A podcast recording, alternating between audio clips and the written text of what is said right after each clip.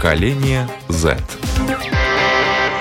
Здравствуйте, в эфире программа «Поколение Z». С вами Марина Талапина, режиссер программы Даниэль Йоффе. И спасибо вам, что подписываетесь на нас. Нас сейчас можно слушать на многих платформах, в том числе Google, Apple и Spotify. И, конечно, на канале YouTube, ну и на нашем сайте lr4.lv нас тоже можно найти, как и на Фейсбуке, как и в Инстаграме.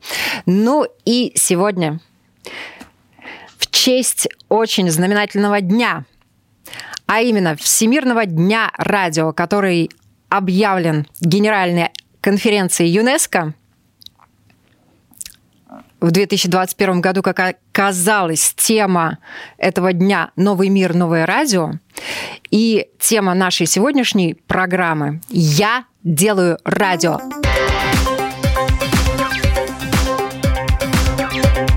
Поколение Z.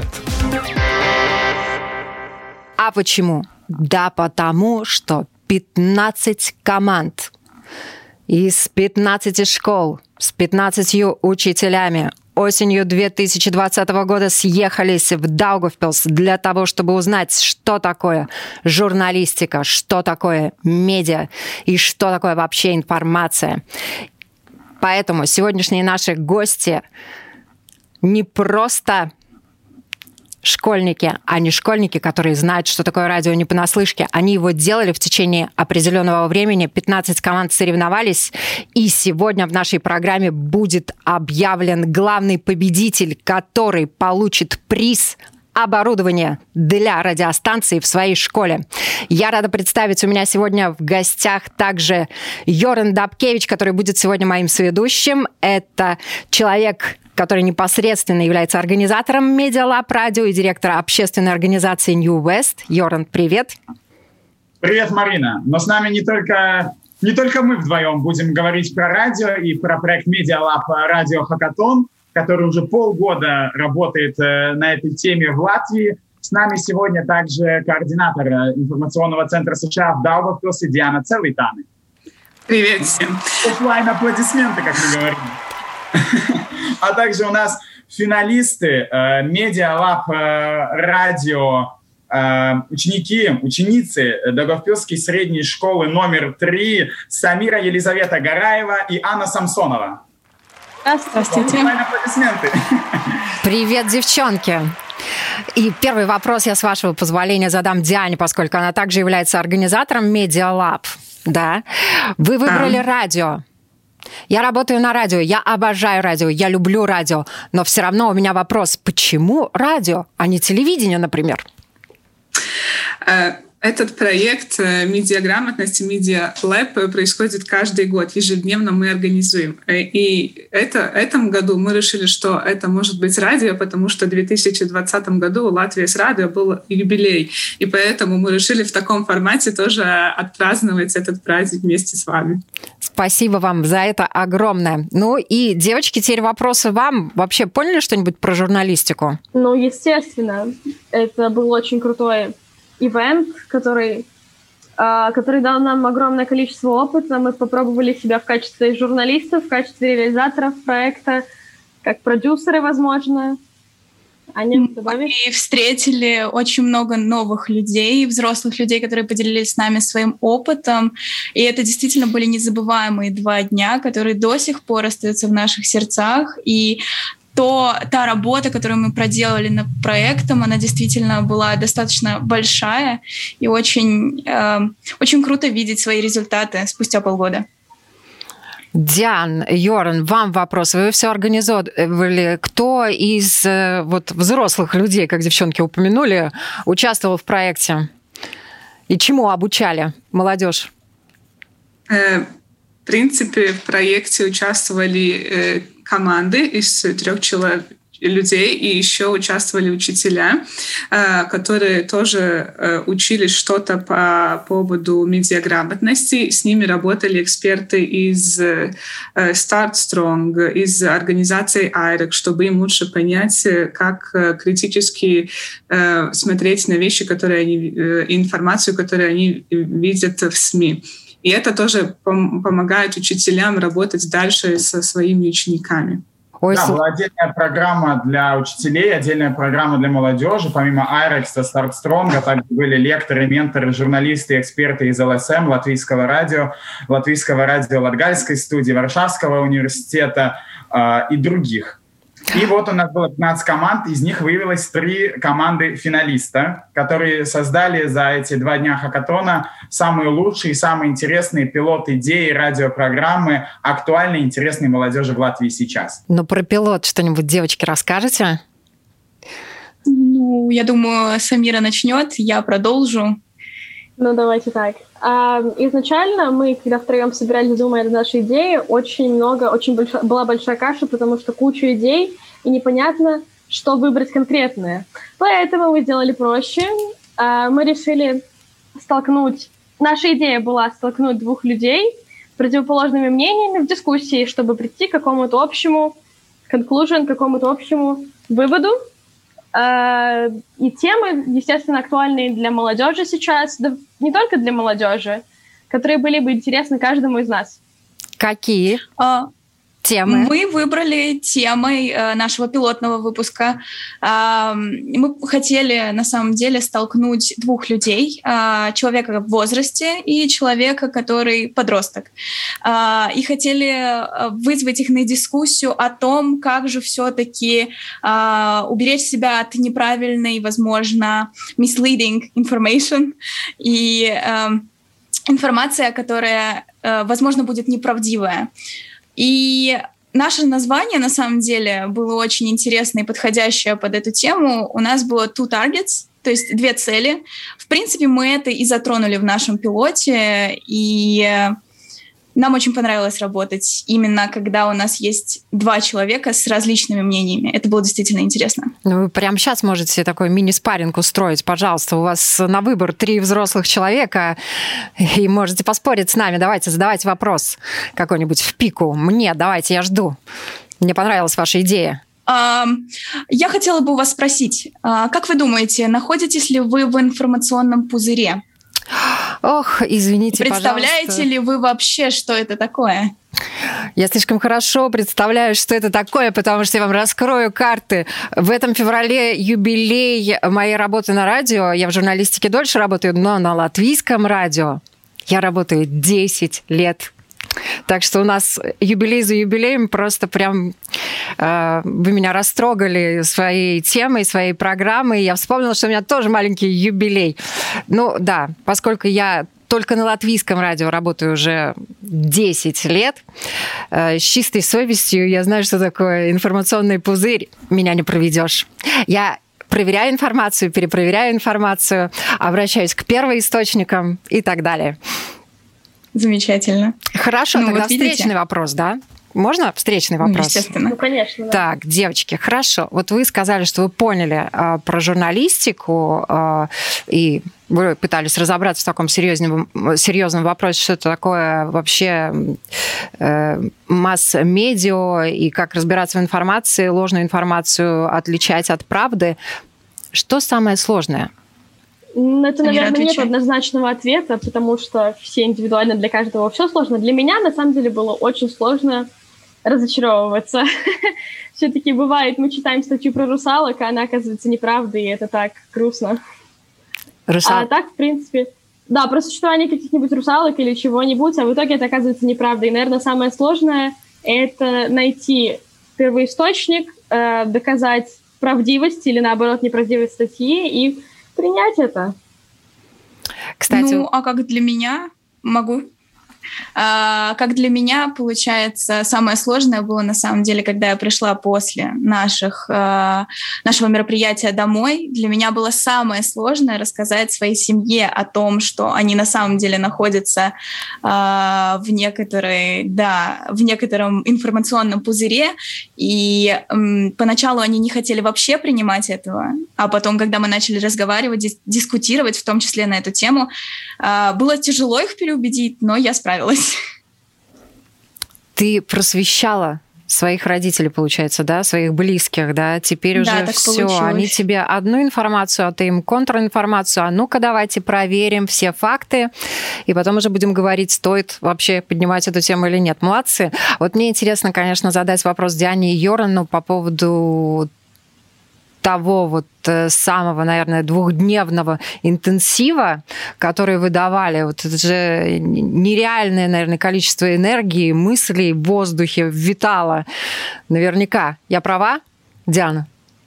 Конечно, вы правы. Э, после этого проекта я бы сказала, что я тоже получила э, несколько новых информации по поводу медиаграмотности, потому что я тоже все время пытаюсь как-то развивать свои знания в этой сфере, потому что все время это развивается так быстро, что нельзя уследить. И я даже могу сказать, что у меня этот был первый такой большой проект, э, и я была рада, что все было успешно, и что теперь я слышу тоже от участников, что им очень понравилось, что они были в восторге, они делились этими знаниями дальше и со своими ровесниками, и с родителями. Йоран, вообще такое количество, 15 команд по 3 человека, это 45 э, молодых голов, э, готовых ринуться в бой, задорных, энергичных, а вот не хотелось кого-то вытащить все и взять в свою команду, организовать вообще свою радиостанцию? Радиостанцию не знаю, но, в принципе, то, чем занимается НИИСТ и Media Lab, каждый раз создает какой-то условный продукт э, разного качества, но продукт. И, в принципе, подкаст — это очень популярная и модная тема. И 45 голов, как говоришь, на самом деле Media Lab работает уже 5 лет, и более тысячи участников стали... Э, Я знаю. В этой программе и более чем из пяти стран, и поэтому э, вот этот финал в меж такое огранич... ограничительное время стал очень классной точкой для вдохновения, для развития, для какой-то встречи с классными менторами, экспертами и с потрясающими ребятами, которые тоже вот сегодня финалисты. Спасибо огромное, девочки, за то, что приняли участие в нашей программе. Вы первая команда финалистов, которых мы представили нашим зрителям. И сейчас мы ждем подключения еще с ребятами из другой команды, из Бабита.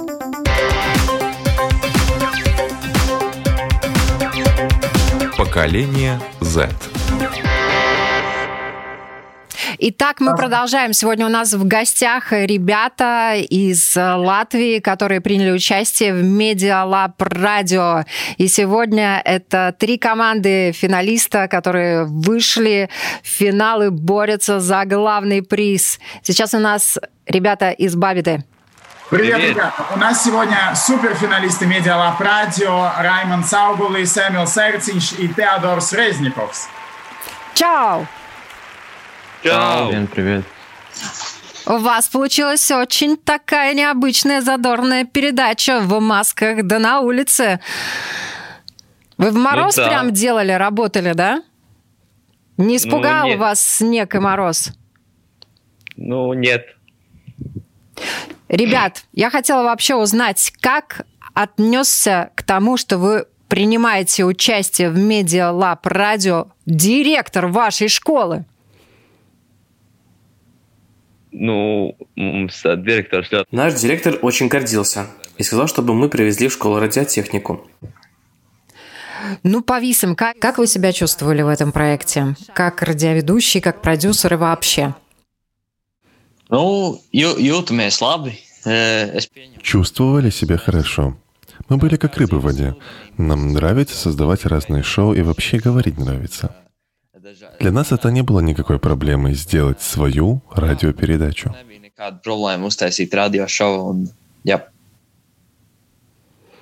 А ir kaut kāds... А кто был генератором идей? Ну, мы все. Мы все втроем думали. Мы такие компанейские парни. Когда мы собираемся все вместе, втроем, эти идеи у нас рождаются сами. Teodor, Teodora тебе, lūdzu. Jā, viss, viss šī ideja aizsākās, protams, Daugavpilī, šajā pasākumā Media Lab. Все идеи начали приходить еще в Даугавпилсе, на хакатоне Media Lab. Для нас не было проблемы придумать концепцию радиопрограммы. Мы, работая в команде при помощи менторов и экспертов, создали свою программу.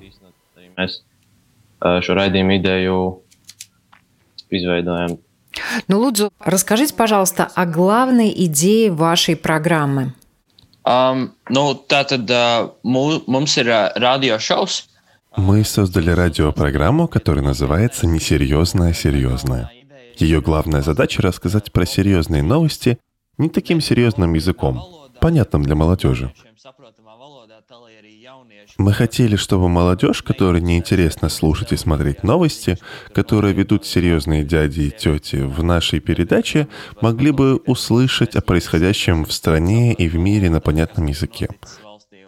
Мы пригласили несколько гостей поговорить про актуальные темы.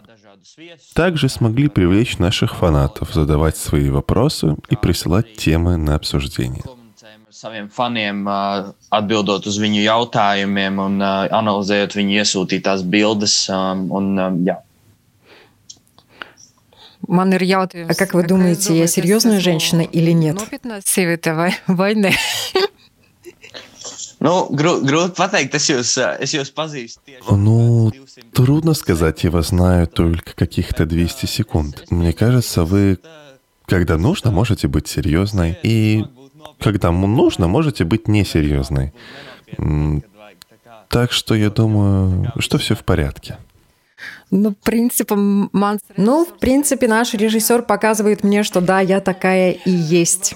В финальном этапе вы участвовали в онлайн-лекциях от Радио Наба, Латгальской студии Латвийского радио и с Гунтой Слога из Балтийского центра медиаграмотности. А вам как-то помогли эти лекции при выполнении финального задания? Nu, es teiktu, ka palīdzēja mums tā kā я бы сказал, что да, помогли. У нас появилось понимание, что стоит обрезать в нашей программе и что оставить. Нам это очень помогло в решении технических задач. Kā tehnisko pusi diezgan daudz palīdzēja. Man, man personīgi vairāk... Лично мне онлайн-финал помог продумать свое будущее и выбор профессии. Это была возможность перенять и услышать опыт журналистов и продюсеров – я начал больше задумываться о радиожурналистике, мое это или все же нет. Tieši nākotnē, nu, radio un žurnālistika. Ага, мы zinām, там tev rakstu. Ага, очень хорошо. Теперь мы знаем, кого записать в свой белый лист ожидания. И будем ждать. Gaidam. Да, ну, лед интересант. Очень интересно. Может быть, у вас есть свои звезды, люди, которые вам нравятся, как работают, как думают. Инфлюенсеры. Я. Точно так. Ну, es nezinu, vai daudz zina, bet uh, man patīk klausīties uh, podkāstu Без vaļā. Не знаю, многие ли слышали о нем, но мне очень нравится слушать подкаст Без vaļā. Я стараюсь быть как Карлис Лепинч в своих подкастах, который время от времени кидает какую-нибудь шутку. Я всегда их слушаю, и мне Очень смешно. Puišiem es nezinu, kas viņiem ir. А лūdzu? Nu, pri, principā mēs varbūt мотивацией mēs neskatījāmies. В принципе, для мотивации мы специально не смотрели другие шоу. Мы старались сделать что-то оригинальное, хотели сделать что-то новое и актуальное для молодежи. В принципе, я соглашусь с Раймондом. Для меня тоже ориентиром идеи и вдохновения был подкаст Карлоса Лейвинша podkāsts kā tāds varbūt neliela, neliela motivācija un aptuvenātā idejas novirziena tāds mudinātājs. Jā. Теодора, тебе? Jā, es domāju, ka mēs viens, viens otram esam. Я думаю, что мы сами себя мотивируем. Работая вместе, вдохновляли себя на создание нашей передачи. А, а про инфлюенсеров расскажешь? Теодors mums ir tāds ļoti ну, Теодор у нас такой домосед, и он, наверное, с инфлюенсерами на «ты», ну или на «вы». Не, я с ними не дружу. Ну, это очень интересная точка зрения. Да, именно разные точки зрения мы старались показать в нашей программе. Тогда это может стать более интересным для разной аудитории, когда кто-то озвучивает их точку зрения. Вы такие очень серьезные молодые люди, я должна сказать. Такие точно знаете, чего хотите. Спасибо вам большое за участие. Я надеюсь, что мы с вами еще встретимся. И раз вы собрались в журналистику, то Латвия небольшая страна, мы должны пересечься обязательно.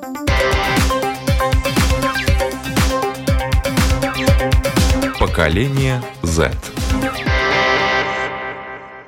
Итак, и сейчас у нас гости из Даугавпилской гимназии. Йорн, тебе слово. Представляй. Да, у нас еще одна суперкоманда из Даугавпилской государственной гимназии. Ребята из 10 класса. Анете Тамане, э, Анете Тамане, Дайнис Мигланс и Криста Кристиана Ринча.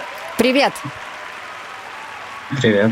Привет. Вы такие замечательные, вы самые молодые и самые, по-моему, скромные.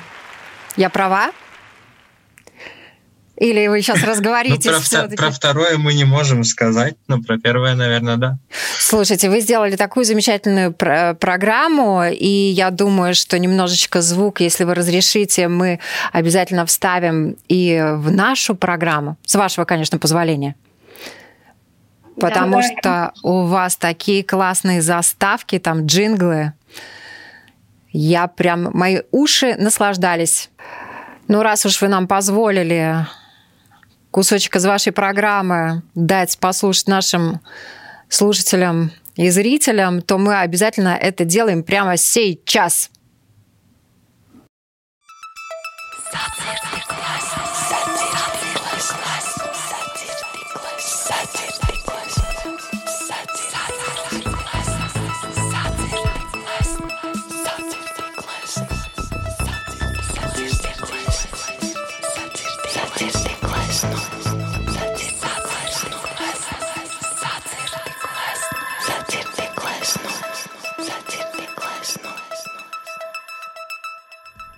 Mēs esam trīs jaunieši, kas izveidoja raidījumu Sadzirdi gleznu, domājot par tiem cilvēkiem, kuriem ir redzes traucējumi. Kā arī tiem, kuriem vienkārši interesē māksla. Un arī, lai ieinteresētu cilvēkus mākslas izzināšanā. Gatavojot šo raidījumu, mēs esam sazinājušies ar trim mūziķiem un esam piedāvājuši viņiem attēlot trīs Latvijas mākslinieku gleznas. Proti, Pētera Krasņa itālieti, Jāņa Rozentāla gaismas pili un Johana Valtera zemnieku meiteni. Bet kuri mūziķi tu piedalīsies mūsu šodienas raidījumā? Kā pirmais muzicēs Dabasu Durovas dalībnieks Arnis Slobožaņins. Otro glezno attēlos ģitārists un virtuos Mārcis Auziņš. Labi, divi ir, un kas ir trešais? Protams, ka Valters Osis no grupas Dziļi Violets un Kombinzoni.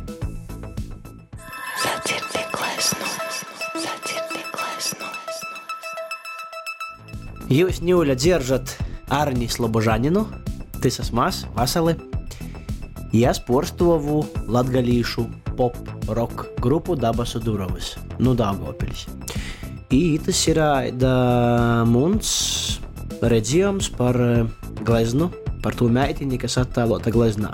Tāda man noskaņa, tādas domas, ir tāda muzika skaņa manā protā, kad es veru sezitu attēlu.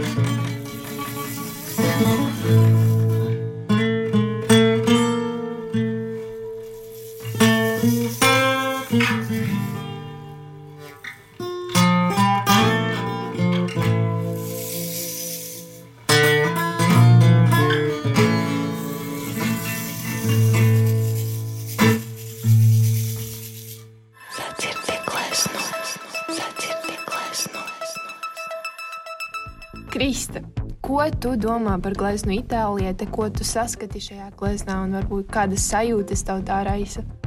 Skatoties gleznā, uz mani lūkojas daļa itāliešu sieviete, kuras biezie tumšie mati daļēji aizsedz viņas skatienu. Viņai ir ļoti izteiksmīgas acis un dziļš skatiens. Es arī gribētu piebilst, ka viņai ir ļoti interesants fons, jo nu, redzams, ka viņa sēž diezgan greznā un daļā sarkanā krēslā. Bet arī siena.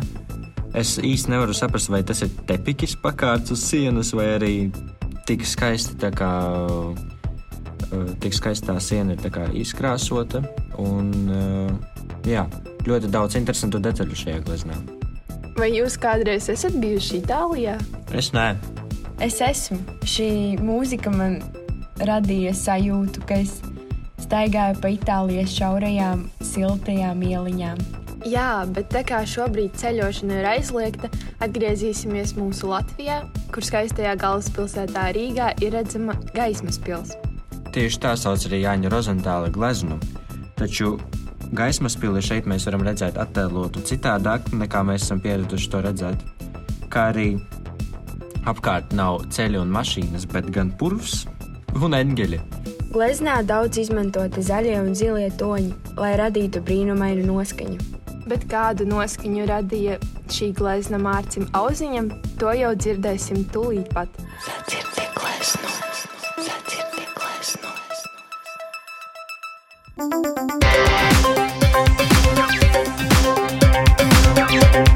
Поколение Z.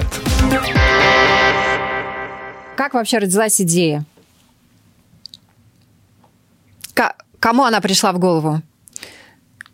Наверное, нам всем, потому что мы просто решили сделать такой брейнсторм, написать все идеи, которые э, пришли в голову, и как-то начали разговаривать и думали, что нам интересно, и, и все, в общем, ну вот, и так получилось. Ну, получилось, получилось, еще как получилось. И давайте расскажем нашим радиослушателям и зрителям вообще немножечко о концепции вашей программы. У вас три музыканта. Три музыканта. Э, и собственно, и три картины, которые мы им предлагаем э, изобразить в музыке, отобразить в музыке. И, собственно, они присылают свои озвучиваем, мы сами немного комментируем э, картины, не обязательно латвийских э, художников, э, и немного комментируем музыку. И программа называется «Садзер де Глезно», да? Да. А расскажите про саму идею в том, что это как подкаст для людей э, с проблемами со зрением.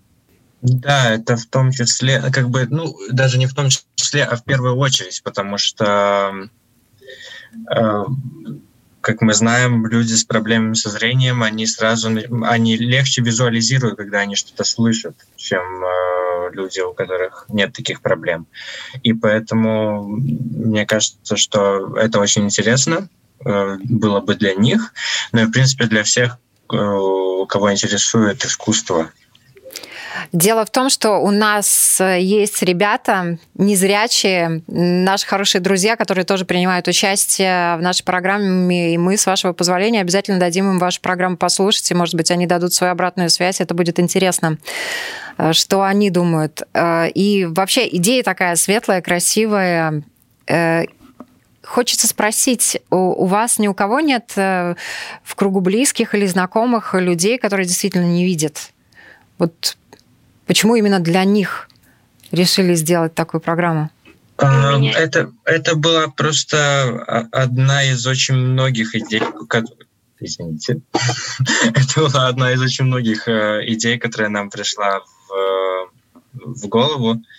И как бы мы просто решили, что будем брать самое самобытное, хотя и на самом деле нам казалось, что, возможно, это будет невыгодно, потому что это не, не настолько не может, ну, может не разойтись настолько, может не стать настолько популярным, э, как что-то э, такое, не знаю, более попсовое. То есть это, это Но все такое. равно эта программа, она же не только для людей, которые не видят, она для всех. Да. Да, да. да. Слушайте, раскройте секрет, кто джинглы помог вам делать? Мой папа. А кто у нас папа? Он э, работает в университете но он любит э, все такое с музыкой связано. Сам играет гитару и сам пишет. Э, да. Ну, папе респект и низкий поклон Спасибо. от родищиков. потому что джинглы великолепные. Помимо программы вы участвовали в двухдневном, очень жестком, я так понимаю, классном э, интенсиве. Да? Огромное количество взрослых людей, которые в профессии э, журналистика э, работают. Они вам передавали свои знания, опыт, умения, навыки. Вот э, что вы подчерпнули? Что вам больше всего понравилось, запомнилось, что вас зацепило? Криста. Man patika lekcijas ASV vēstniecībā. Мне понравились лекции от посольства США, где нам рассказали о многих полезных вещах, которые помогут нам стать более медиаграмотными. Для меня были интересны лекции про авторские права и насколько в наше время надо быть внимательным, чтобы случайно не использовать какой-нибудь материал из интернета без ссылки на автора. Это ведь может быть наказуемо, если не указать источники. Nenorādot uh, atsauci, jo tā ir arī sodāmība, ja, ja šo atsauci, ja šī atsauce netiek norādīta. Ну да, ответственность очень важна в нашей профессии. Это так и есть, да. А вот вы научились отличать fake news от правды? Nu, es domāju, ka mēs arī pirms tam jau zinājām un varējām kaut ko atšķirt. Я думаю, что мы и до этого уже знали и могли отличать фейковые материалы. Но эти лекции дали нам больше знаний. Я не могу сказать, что мы пришли на лекцию и сразу этому научились. Что-то было нам уже известно. Uzreiz iemācījāmies atšķirt informāciju. Kaut kas jau bija zināms. Что, например? Вам было а... знакомо в десятом классе уже? И откуда тоже? Интересно. Uh, nu, kopumā skolā mums arī par to stāsta, un uh, es katrs... Нам в школе рассказывают про медиаграмотность. Я думаю, что каждый подросток часто использует интернет и уже имеет опыт, как проверять источники, оценивать их надежность, использовать информацию только проверенных сайтов, а не просто из интернета. Uzticamas un tikai no tām tu ņem informāciju, nevis no nepazīstamiem avotiem internetā.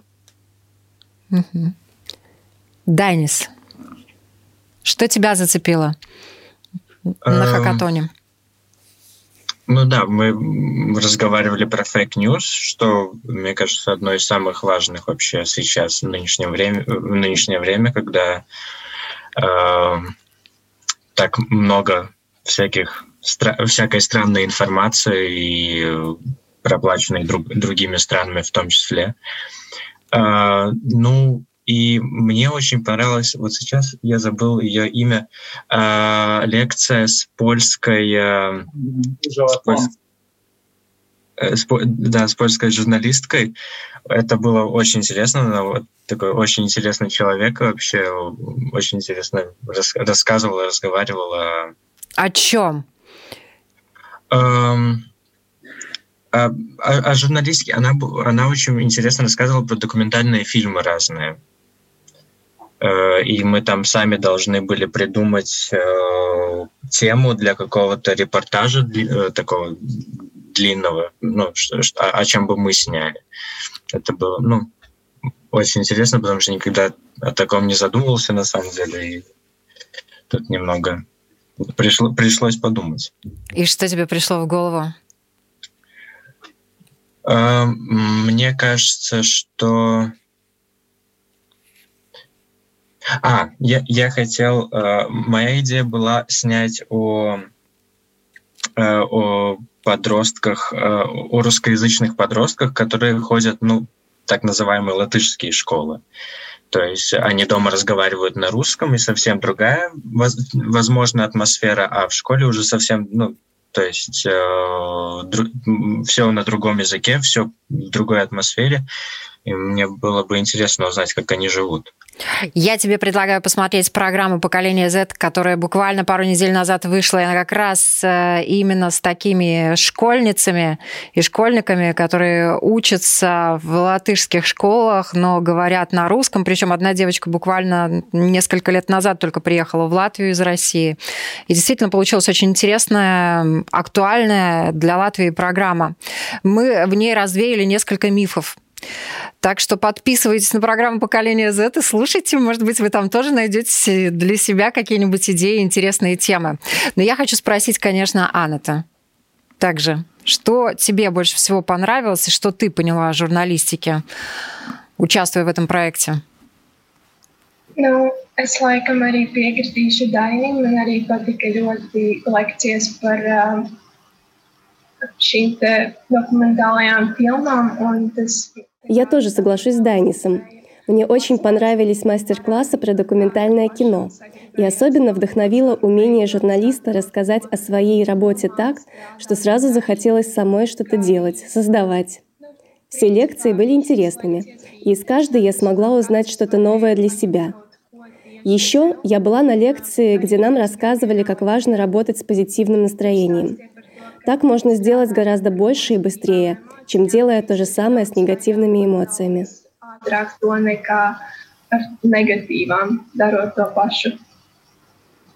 Ну, вы хотели бы получить главный приз этого проекта? Наверное же, хотели бы. Что вообще стимулировало вас дойти до конца? Э, ну. Я, я даже не знаю, мы, мне кажется, даже не задумывались о главном призе особо мы как-то мне кажется, что для нас больше это было мотивацией наконец-то что-то сделать. И вот мы сняли э, целый подкаст. Хоть и не такой длинный сравнительно, но все же. А есть еще идеи какие-то идти вперед и с другими музыкантами? Jā, mums tieši, kad mēs ierakstījām raidījumu. Да, когда мы создавали наш подкаст, мы поняли, что это очень интересная работа. И нашу идею можно развивать не только в рамках этого конкурса. Мы задумались о том, что нам стоит продолжать этим заниматься и, возможно, опубликовать наши передачи в Spotify и на Apple Music. Скорее всего, мы продолжим. И я надеюсь, что у нас все получится.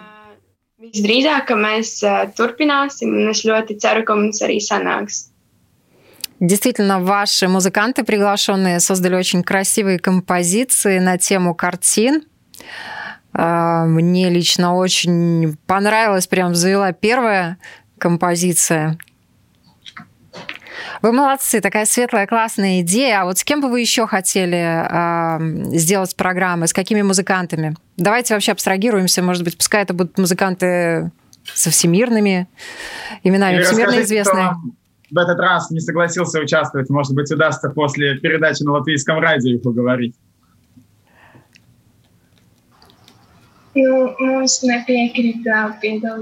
В этот раз в нашей программе не согласились участвовать Carnival Youth. Но мы бы с удовольствием поработали с такой величиной музыкантами. А еще с группой «Инструменты» и «Прата ветра».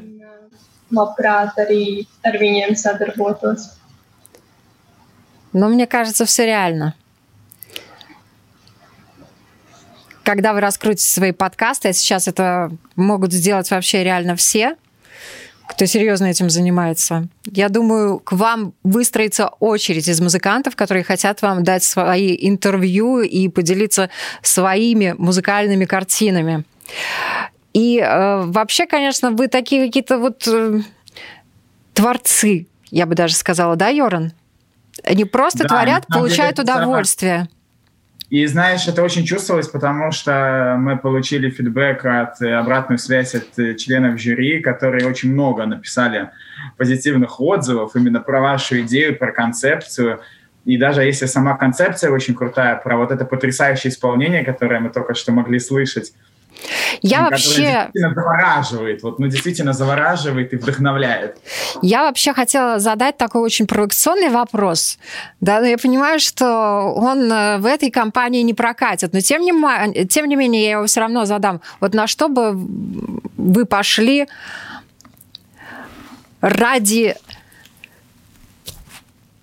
победы ради того, чтобы получить главный приз оборудования для радиостанций? Денис, что ты думаешь? Что бы вы готовы были сделать? Ай. Они какие-то ленивые. Не знаю. Не, ну, как бы... Мне кажется, что мы как бы сделали то, то э, этот подкаст, как мы чувствовали, как, каким он должен быть. И мне кажется, что там больше ничего не прибавить. Оно вот как, как получилось, и мы так, мы так и чувствовали, что вот так оно, оно и получилось, быть. Данис, оно действительно получилось, а вот но у вас совершенно нету азарта такого, что вот, вау, приз, Потому я не знаю, кого-нибудь что... обойти, кому-нибудь там, я не знаю, дать взятку, Йорну сейчас прям непосредственно подкупить, глазки девчонки, постройте Йорану глазки, а вдруг? А, я не знаю, ну... Они какие-то вообще еще ко всему тому же искренние, честные, чистые, да, Йоран? Я хочу сказать, что они действительно сделали потрясающую работу, которая заслужила 97 баллов. И это лучший результат. И вы являетесь победителем Lab Radio Хакатона в Латвии. Я вас очень сильно поздравляю. Это очень крутой продукт, крутая работа, не потряса... потрясающая ваша команда, потрясающий звук и передача, которая действительно интересна всем, а, потому что она какая-то необычная, она действительно интересная и добрая, как, как ваши сегодняшние ответы. И эта команда выигрывает э, систему и радиоустановку для своей школы. Я надеюсь, что вы сейчас в 10 классе, когда вы после карантина в 11 классе, в 12 выйдете в школу, я надеюсь, это наступит, вы сможете, вы сможете начать делать э, и дальше Садзир Биглезну и другие программы в своей школе публиковать в Spotify, в YouTube, в Facebook, еще раз появляться в эфире Латвийского радио 4 и рассказывать про свои идеи, свои честные, добрые, потрясающие идеи. Спасибо за повторение. Что вы сейчас чувствуете? Радость. Radость. Mēs vienkārši es gribēju piebilst par to, ka Tad, kad mēs izveidojām райт... Я бы хотела добавить, что когда мы сделали программу и все уже было смонтировано, нам показалось, что мы могли сделать еще лучше и еще больше. И в этот момент наш азарт немного угас. Появились сомнения, все ли мы сделали хорошо. Возможно, поэтому мы сегодня не такие радостные и немного уставшие. Parādījās šaubas un neziņa, vai tiešām tas, ko mēs izdarījām, ir labi – Un tāpēc varbūt uh, mēs šodien bijām tādi ne, ne ļoti priecīgi un noguruši. Ну ничего победа это себе. доказательство. Ну победа да. это лучшее доказательство вашего качественного и классного продукта. Нужны интересные передачи для молодежи в том числе. Они, по-моему, просто тихо млеют от того, что они все-таки чемпионы. Уважаемые радиослушатели, вы, к сожалению, этого не видите, но на этих лицах радость. Я права, Данис? Да. Ну, сейчас камера выключится, микрофоны выключатся, и тогда уже пойдет. Тогда вы начнете орать. Да, ну, поорите. Если вам хочется, поорите. Вы в эфире латвийского радио. У нас все можно. Я пару! Ура! Круто! Ребята! Вы просто очень скромные, вы стесняетесь. Это нужно переварить. Это нужно переварить. Но я вижу... Идеи, которые они разработали еще полгода назад в сентябре и идеями, мыслями довели вот до февраля месяца и сделали классную, классную вещь с крутыми латвийскими музыкантами, которые, я надеюсь, вы можете услышать и увидеть э, также на страничке New East в Фейсбуке, на страничке американского инфоцентра в Даугавпилсе. Мы хотели еще напомнить, что вообще программа Media Lab радио Хакатон была создана в рамках 95-летия латвийского радио в прошлом году, и мы продолжаем в этом году праздновать. Нас очень сильно поддержали э, инфоцентр США в Даугавпилсе, американское посольство в Латвии. И, по-моему, вышло классно. Правда, ребята? Да. Да. По-моему, вышло очень здорово. Ребят, вы молодцы. И вот, наверное, чемпионы такие должны быть. знаешь, такие искренние, честные, чистые и скромные. Спасибо вам большое за участие в этой программе. Я благодарю также своего соведущего. Сегодня со мной программу провел организатор Lab, директор общественной организации New East Йоран Дабкевич. Спасибо большое. И всем... Спасибо большое. Спасибо за приглашение, спасибо за посвященную программу, в том числе и в честь Всемирного дня радио. Очень рады вас видеть и слышать. Слушайте радио, оно точно не портит зрение. Всем хорошего дня!